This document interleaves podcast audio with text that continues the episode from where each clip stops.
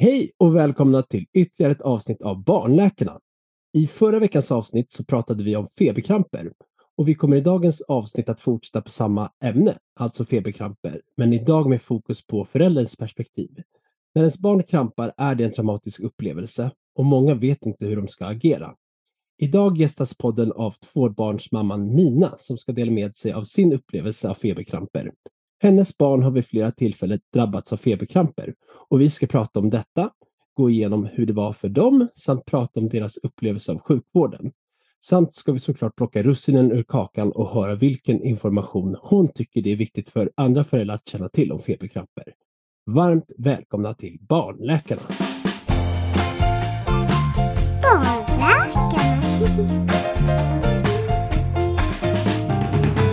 Hej Nina och varmt välkommen som poddens allra första gäst.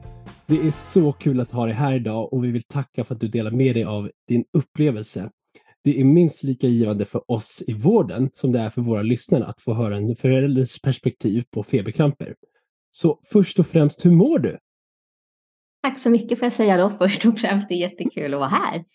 Eh, och jag mår ganska så bra. Jag har eh, lite feber, jag är ganska trött, men det är lite så här habitus när man är småbarnsförälder känner jag. Så att jag mår bra. det är en positiv inställning att du ändå tycker att du mår bra trots feber och lite förkylningssymptom. Men tack ännu mer för att du ställer upp trots att du inte är helt eh, pigg. Och du är ju en tvåbarnsförälder som jag nämnde som bor i Stockholm. Men vill du berätta lite mer om dig själv och vad du gör? Ja, jag bor tillsammans med min sambo Marcus här då i Bromma i Stockholm. Eh, och sen har vi två barn som heter Ivar och Alva. Och Ivar han ska fylla fyra och Alva är ett halvår. Och jag är ju då just nu föräldraledig då med lilla Alva och njuter till fullo kan jag säga. Eh, Gör och... du det trots att det är två barn? Många tycker att det är en kontrast när det andra barnet kommer, att man inte får lika mycket fritid. Nej, alltså fritiden är typ obefintlig, men det är ändå underbart. Liksom, ja. Det kan vara tufft, absolut. Ja. Men tufft, men, men underbart. Ja. Absolut. Um, och, och, när du inte är föräldraledig, vad gör du då, då? Då jobbar jag som medicinsk riskbedömare på ett försäkringsbolag. Just det, och du ehm. har en sjuksköterskebakgrund, visst är det så? Det har jag. Så tidigare så har jag jobbat som sjuksköterska på Först var det hematologen på KS i Solna mm. och sen ehm, eh, på Astrid Lindgrens barnsjukhus, också i Solna, då, på barnneurologen. Ja, så du har ju erfarenhet som barn, eller sjuksköterska på barnsidan, du har jobbat ja. på barnavdelning. Ja. Och nu vill jag, innan vi börjar prata om, om feberkramper och er son Ivars feberkramper då, så eh, tänkte jag bara höra, liksom, vad, vad kände du till om feberkramper innan er son hade sin första feberkramp? Alltså väldigt lite. Och eh, alltså, kanske konstigt, konstigt lite, jag på att säga, för jag jobbade ju ändå på en, på en barnneurologisk avdelning. Mm. Eh, men då var det så mycket fokus på, om man får säga, riktiga kramper. Så ja. där låg ju barnen inlagda för till exempelvis ja, epilepsi. Eh, så att det var inga feberkramper. Så att det, ja, det jag visste och kände till det var väl att ja, om man har feber så, så eller om barnet får feber så kan, så kan de få kramper. Det var nästan bara det som jag kände till. Hade du någonsin var... sett kramper innan, innan er son ja. krampade? Eh, inte feberkramper, men, men en del kramper, absolut. Mm. Eh, du, du, visste hur de kunde te sig och hur det, liksom, att det kunde se lite olika ut på olika barn? Ja, eller? ja. Eh, och det var ju ändå en, en trygghet när, när min son drabbades. Mm. Eh, så man visste lite vad man skulle titta efter, att det skulle vara liksidigt till exempel, ja. då, som ni också nämnde i ert eh, förra avsnitt. Ehm, men det är ju ja, det är stor skillnad på att uppleva det hemmet och på sin egen son. Absolut. Än på, på avdelning där det, där det var, när ett barn krampade så var det nästan förväntat att, att barnet skulle krampa, för det var det som, som barnet var inlagt för. Mm. Um, och där har man ju också erfarna kollegor, man har läkare, medicin, det finns en plan. Ja. Men ja, och här, inte i hemmet. Och här blir det ju inte, det, det är ju precis som du beskriver så får jag höra av så många av eh, föräldrar till, till barn som har krampat eh, när de kommer till oss på barnakuten att även om de har erfarenhet som sjuksköterskor eller, eller läkare för den delen så är det många som man, man, agerar inte liksom som man gör professionellt när det kommer till ens egna barn. Att man, man blir liksom helt panikartad och kan liksom inte tänka eh, rationellt när det väl kommer till ens egna barn. Och det är väl helt naturligt. Men, men du är inte eh, en, ensam just när du säger det här att man på, på sjukhus eh, när, när, man jobbar så är det en helt annan sak jämfört ja. med ens egna barn. Absolut, så kontrollerade omständigheter på något sätt. Ja. Ändå. Och just om vi går över lite mer till, till er son då, Ivar, hur, hur, gammal var han när han hade sin första feberkramp? Han skulle precis fylla två då. Mm. Och han hade haft, eh, ja, men han hade varit frisk, han hade haft feber för någon vecka sedan då när det inträffade. Ja. Så var han fortsatt lite, han hade lite rethosta och liksom lite snorig så, men fick gå till förskolan. Ja.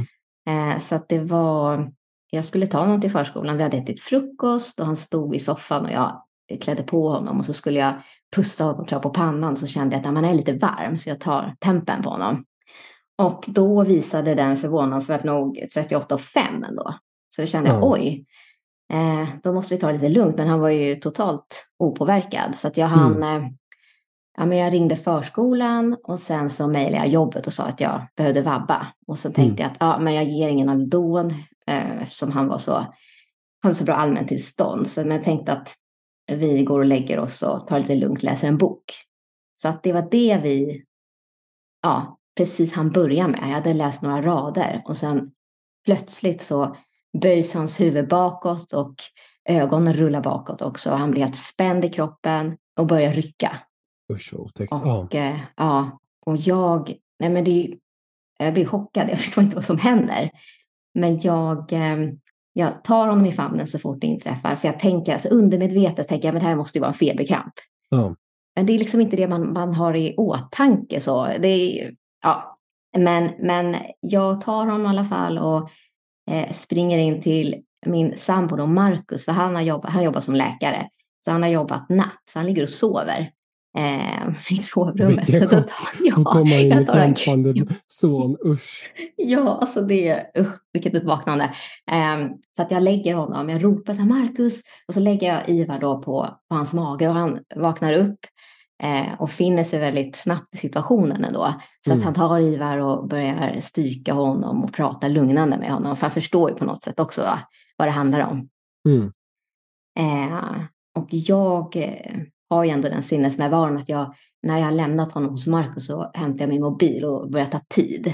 Ja, på. Mm. det var väldigt vaket av dig. Ja, eh, men det var ungefär det enda som var vaket. För sen, sen så, jag har ju någon form av panik. Jag tycker det är jättejobbigt att vara och se honom. För ja. att han ligger där, han krampar, han blir blek, det kommer liksom lite skummande saliv i munnen. Mm. Eh, han gör liksom kvidande läten. Eh, verkligen som att han lider. Liksom. Han ligger liksom och, och, och, och stånkar. Mm. Eh, så att jag, eh, nej men jag börjar kyla massa handdukar. Eh, alltså ha massa iskallt vatten på handdukar och springer in och Markus säger men det där hjälper inte och det vet jag. Men jag känner bara att jag kan inte bara liksom stå och inte göra någonting. Medan han ligger där och lider. Så jag börjar badda honom i alla fall. Så det är väl bara, det hjälper ju inte såklart. Och är väl egentligen bara obehagligt om något. Men, men det är vad jag gör och sen så ringer vi ambulansen, eller 112 mm. ringer vi. Mm. Som ehm, de ska skicka ambulans. Men under samtalets gång då, då avtar den här krampen. Mm. Eh, och då säger Hur de lång var okay, den, eh, skulle du uppskatta? Två minuter då ja. var den. Knappt två minuter. Och då var det, eh. du sa att eh, huvudet böjde sig bakåt, ryckningar i, i båda armarna och ben på båda sidor. Ja. ja. Liksidiga och rörelser. Mm. Var det liksom eh, ryckningar, var det liksom att han blev spänd och sen att det drog ihop sig eller var det liksom att han hade små ryckningar lite hela tiden? Ja, rytmiska eh, ja. ryckningar hela tiden. Så verkligen, ja, typiska kramper. Ja. Och då, då hävde den sig efter två minuter sa du. Och fick ni någon råd av 112 eh, när ni ringde dem? Så de åt eh, er att göra någonting när du väl ringde? Kommer du ihåg vad de sa? Nej, det var Markus som ringde. Eh, och jag tror, de säger att eh, vi ska ta det lugnt och att det inte är någon, någon fara, någonting sånt. Mm. Eh, och att när de hör att krampen hävs så, så säger de att det kommer dröja lite, kan det dröja lite innan vi, vi kommer. Mm. Och då så sa vi att vi kan åka in själva till akuten. Mm. Mm. Och då, vi tar tempen på honom då precis när han har slutat krampa och då ligger han och är väldigt, väldigt trött bara. Mm. Eh, men då har han 39 och 4 så mm. får han Alvedon och Ipren då. Eh, och sen efter ungefär 20 minuter så, så piggar han på sig. Ja. Eh. Men däremellan, jag tänker när han krampade i två minuter och det slutade, kom han tillbaka då och gav något tecken på liksom att vara vaken eller var han helt, helt slö då? Ja, väldigt slö. Ja. Eh, jag vet att jag gav honom nappen och så där. Det var lite så där. Han tog den efter ett tag och han låg ganska länge och liksom ja, halvslumrade. Ja. Och smaskade lite så där med munnen och ja, var lite halvt borta. Ja, och du beskriver så väl just det här som vi kallar inom medicin för eh, att man är postdiktal, att man liksom är påverkad efter själva krampen. För det är en ordentlig urladdning av liksom när hjärnan överstimuleras. Det bara liksom sprakar med impulser i hjärnan. Och då, ja. så man, man blir ju väldigt trött och påverkad efteråt. Men just med, med feberkramper så, så det positiva brukar vara att det, de, de pignar på sig ändå ganska fort. Eh, precis som du säger, liksom inom en 20-30 minuter brukar de flesta liksom komma, komma tillbaka. Eh, och, ja, så var det. Och, var det gradvis du tycker att det liksom kom, blev successivt mer och mer eller vände det ganska fort sen när han väl piggnade på sig? Ja, men det vände väldigt snabbt. Först låg han i, i 20 minuter så blev han successivt lite piggare. Han tittade, vi fick lite piggare blick och han kunde svara på tilltal. Man kunde busa lite med honom så kunde han le. Och mm. sen var det, tog vi upp honom. Det var lite stapplande steg och sen så, så gick det rätt snabbt innan han var sig själv. Så på akuten mm. när vi kom in, då var han helt sig själv. Mm. Och så sprang omkring och ville klättra på, på stolar och sådär. så att, eh, det var ju skönt att se. Ja. Mm. Och, och där är en sån det kan vara tacksamt att jobba eh, som, som, läkare på barnakuten, att oftast när barn som har krampat kommer in till akuten så är de tillbaka i normaltillstånd. De får liksom en, en pigelin i, i eh, triagen när de kommer in, men de, de beskrivs ju att de är som vanligt. Ja. Och då kan man ju som vårdpersonal, liksom, eh, om man inte liksom vet hur läskigt det ser ut, så kan man liksom inte alls att man nonchalerar men att man liksom inte, ja men det, det är inte så farligt, men det är en enorm trauma för en förälder som har liksom ja, det ser ut som ens barn håller på att gå bort, kan många som aldrig hört talas om kramp innan. När de kan bli blå om läpparna och bli helt bleka och som du beskriver, det kommer fragda från munnen och det är jätte, jättetrauma verkligen. Eh, nu, nu har ju ni erfarenhet från vården, så det är klart att ni eh, har lite bättre koll på det, men, men ändå. Det är ett jättetrauma för er också när det väl är, är en son. Det spelar ingen roll vad man har för erfarenhet, det blir alltid jätte, jättetufft. Nej, men, nej, men precis. Och, och, just när ni eh, kom in till, eh, till sjukhuset, hur lång tid tog det ungefär? Från när han började krampa tills att ni var inne? Vad kan det ha tagit? För vi var ju hemma eh, med honom i alla fall 20 minuter efter krampen och sen så ja. åkte vi in relativt snabbt efter det. så kanske ja, någon timma efter att han hade krampat ja. då, att vi var där inne och då fick vi träffa ja, sjuksköterska först då, men, men vi fick ändå träffa läkare ganska snabbt. Jag vet, vet ja. inte helt tidsförloppet, men nej, nej, men jag upplevde att det var snabbt ja. i alla fall. Ja. Och vad gjorde de för typ av undersökningar och provtagningar där på, på akuten? Ja, men först så, så fick vi berätta om förloppet och alltså hur, hur eh, allt hade gått till och de ställde oss lite frågor som ärftlighet och så om vi hade mm haft eh, kramper, jag eller Marcus. Och sen så gjorde de ju då eh, neurologstatus. Mm. Och de tog blodprover och han fick lämna urinprov. Ja.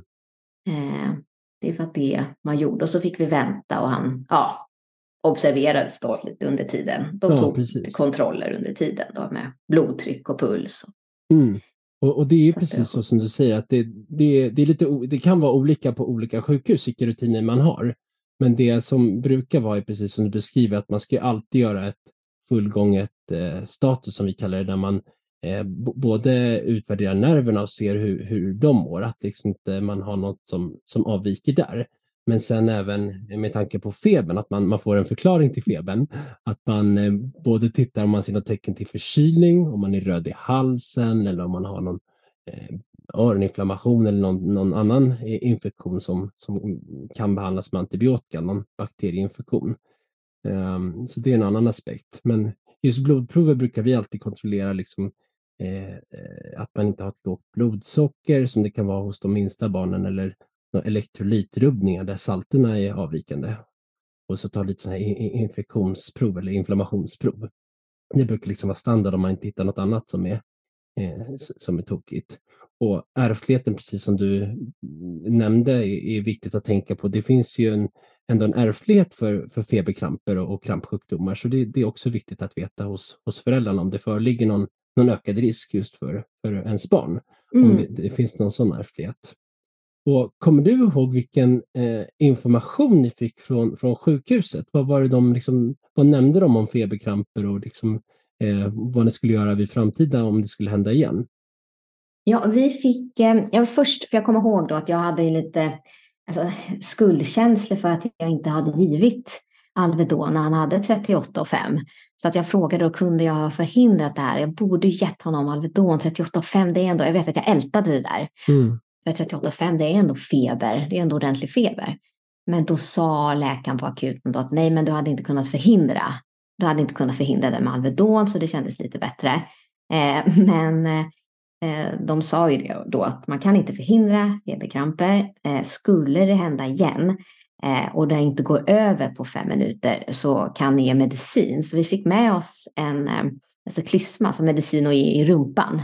Mm, eh, kramphävande medicin. Ja, och med den informationen och vi fick en, en folder också. Mm. Eh, eller en folder, en liten broschyr, en, ja, ja. informationsblad om kramper. Ja. Eh, och sen fick vi också ett, eh, en telefontid då, några dagar senare. Eh, för, att, för en avstämning. Det kändes tryggt. Gud vad bra. Jättesnyggt tycker jag. Mm. Det har faktiskt inte vi, eh, som rutin på vårt eh, sjukhus att man har en telefontid, men det är ju faktiskt jättesnyggt när det är en så pass traumatisk upplevelse. Precis. Går igenom och får, får tänka ut frågor eller liksom gå igenom händelsen. Det, ja. Blev ni erbjudna en plats att läggas in på sjukhuset? Eller, um... De, frågade, ja, de sa att, att uh, vi kunde få stanna kvar om vi ville. Mm. Jag minns jag. Men, mm. men då avböjde vi. Så vi kände ja. att nu var han så pigg, han sprang omkring.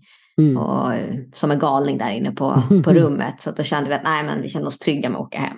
Mm. Även om det, det satt ju kvar den här, jag hade liksom ångest efter. Det satt kvar den här hemska känslan och man, man eh, spelade upp den här bilden av, av honom när han bara vet, försvinner plötsligt. Ja. Mm. Och jag tänker just den, den synen, eller hela upplevelsen måste ju liksom, det är ingenting man bara kan eh, ta, ta, bort från, från minnet. Det blir ju sån, sån stark, eh, stark trauma. Ja. Jag tänker just när han, för han, han var ju då i den åldern när man får som mest infektioner, liksom strax under eh, två år och går på förskola. Hur var det sen när han fick liksom feber för nytt, på, på nytt? Jag tänker nästa, nästa gång han fick feber eller en förkylning, hur, kommer du ihåg eh, eh, hur tankarna gick då? Tänkte du spontant ja. på att liksom, han skulle kunna krampa igen eller? Ja, gud ja. Eh, och eh, vi var båda oroliga. Så att även om vi visste att man kan inte eh, förhindra kramper så var det liksom när, när han fick feber, för han fick ju feber många gånger efteråt då.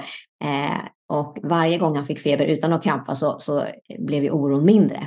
Men i alla fall, så, så, och det är fortfarande så att när febern börjar stiga åt 38,5 så då vill man gärna ge Alvedon. Mm. Eh, och det brukar, blir det liksom 38,5 över så brukar vi ge det. Men inte för att ja, vi tror att vi egentligen kommer häva kramper, men det känns som en, en trygghet. Ja, nej, men ja. det förstår jag. Och det där det tycker jag man möter många anhöriga, många föräldrar till, till barn som har haft en feberkramp som liksom de är jätteoroliga för feber. Mm. Och, och, och där jag brukar verkligen säga, precis som det, det, du har nämnt, att man kan ju inte förhindra en feberkramp med febernedsättande. Eh, så, så, mm, men, men, men just den här skräcken och oron som kommer så, så blir det lätt att man liksom, så fort febern börjar gå upp så, så behandlar man den jätteaggressivt för mm, att man är livrädd mm. för feber. Och det, och det kan jag verkligen fullt förstå, att, att det är så.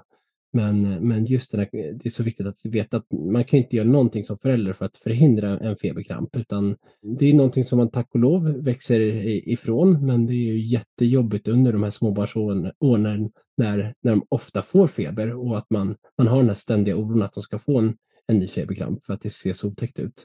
Och, och då berättade de på sjukhuset att om man har en kramp längre än fem minuter så kunde man få en kramphävande medicin. Ja. Eh, men sa de åt er, och där kan vara bra att veta att just de medicinerna som man har det, det, de kan man skriva ut från, eh, från 10 kilos vikt, för annars blir det lite för hög dos. Men, men sa de vad ni skulle göra runt IVAR under de där fem minuterna innan? Skulle ni, sa de åt er något tips och råd eh, under själva krampen? Eh, något ni skulle göra eller eh, tänka på? Inte vad jag minns så här. Utan jag tror att vi hade läst igenom den där eh, broschyren och frågade är det några ytterligare frågor.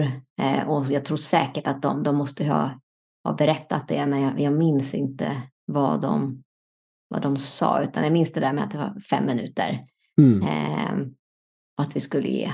Jag, jag vet inte om man måste så ofta prata om det, eh, men, men det är en sån information, för det är ju så jobbigt när ens barn krampar att man inte det, det som egentligen är relevant för oss att veta är liksom tiden egentligen, så att man liksom tar, tar en tid för att mm. veta hur lång krampen är.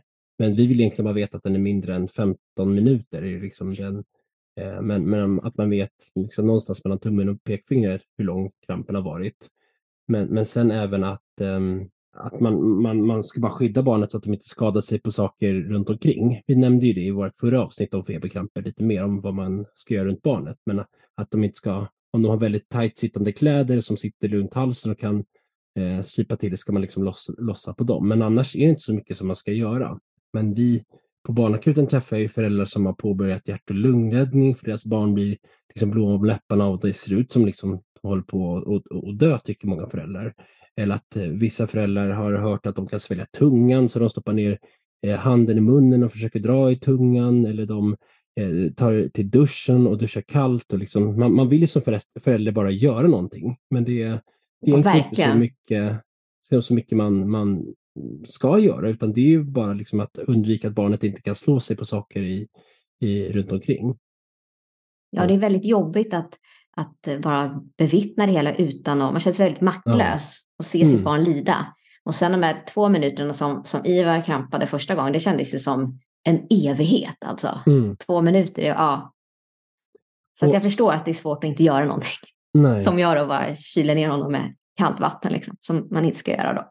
Kände du vid det tillfället efter den första kampen att det var någonting som du skulle vilja eh, få mer information om eller någonting som du eh, inte förstod eller som, som, som du saknade eh, när ni kom hem från, från sjukhuset? Nej, jag är väldigt nöjd med bemötandet och vården vi fick när vi, vi åkte in.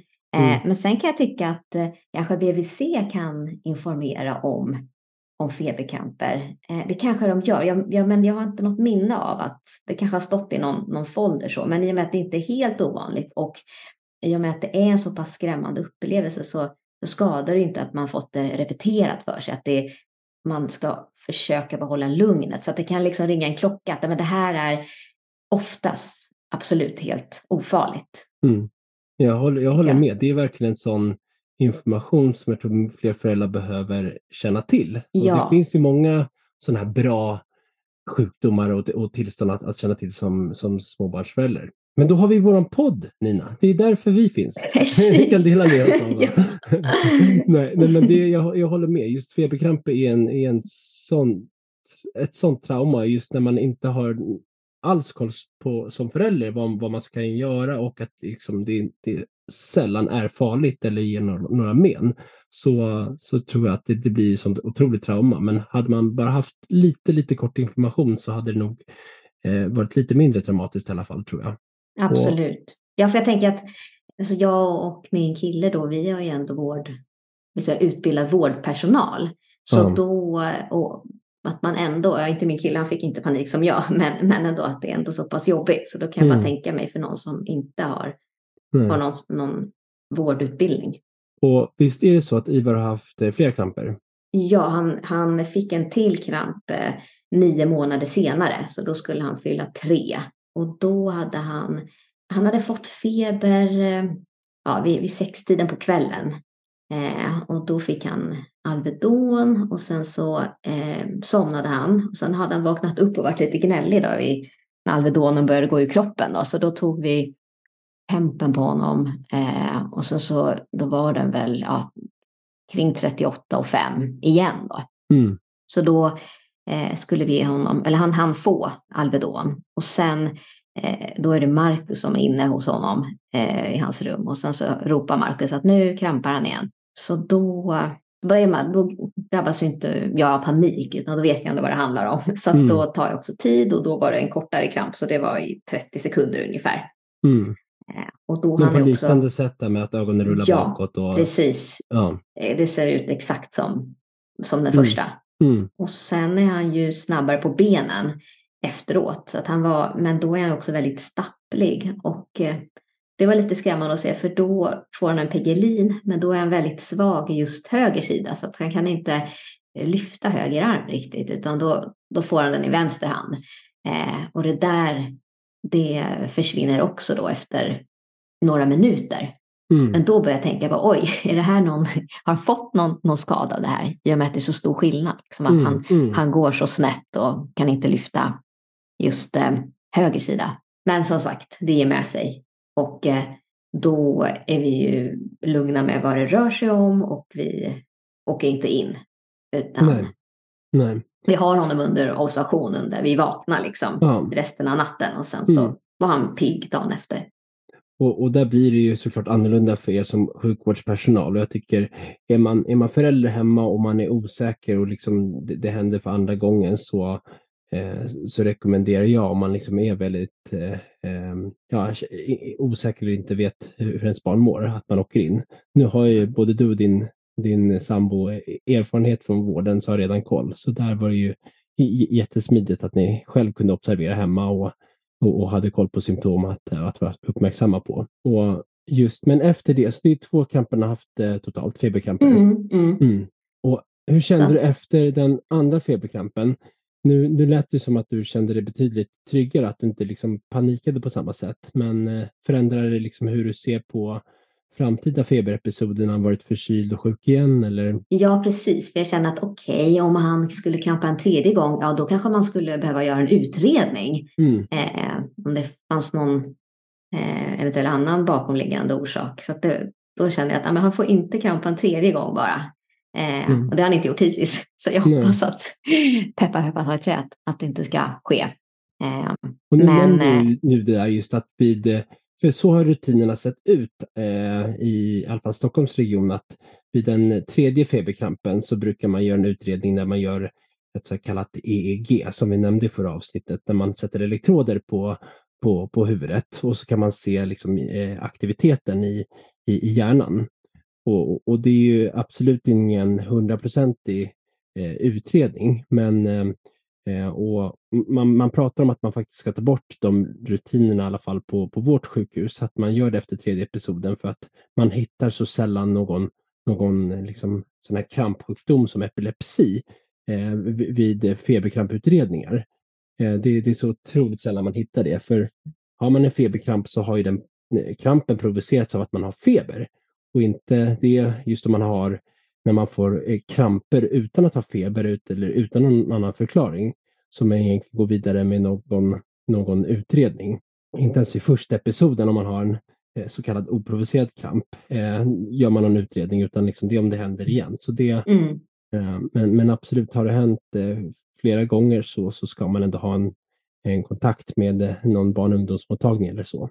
Ja, då hade jag läst, men vet, man googlar ju massa just på feberkramp gjorde jag efter mm. första, hans första kramp och då stod det väl på en, på en del sidor man, man hamnar på att ja, men det är efter tredje krampen så. Men, men det, där ser väl rutinen också olika ut. Ja, så är det. Men, mm.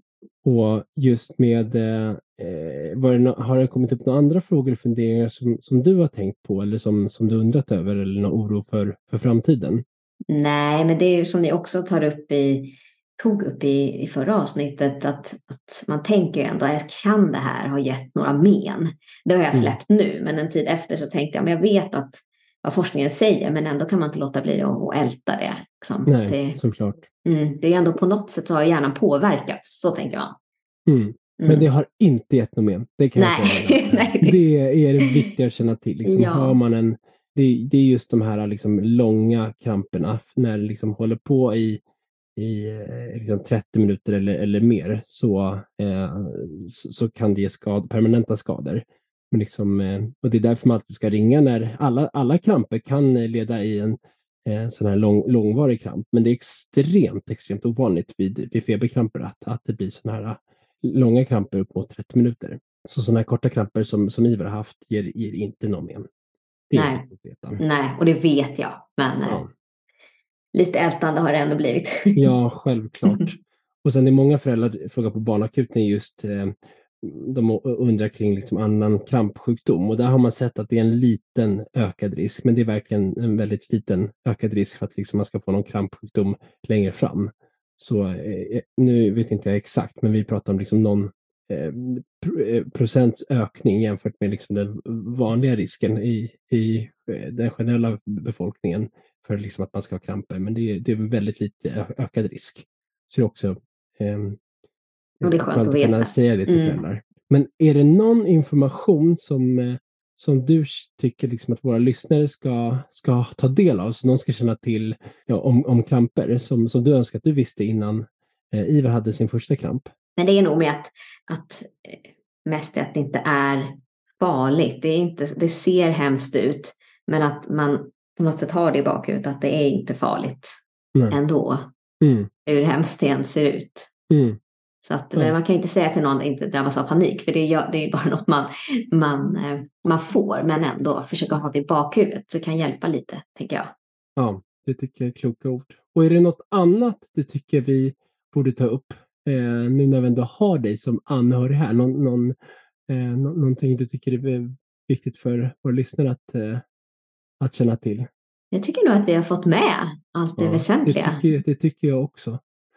Vad bra. Men i sådana fall Nina, tack så jättemycket för att du varit med och medverkat i dagens avsnitt trots att du sitter där hemma med, med feber och ja, tack. förkylning. Tack själv, det var jätteroligt. Ja, jättekul Verkligen. och, och krya på dig nu så det blir Tack så mycket. Avsnitt. Tack. Och tack alla lyssnare hemma. Hej då!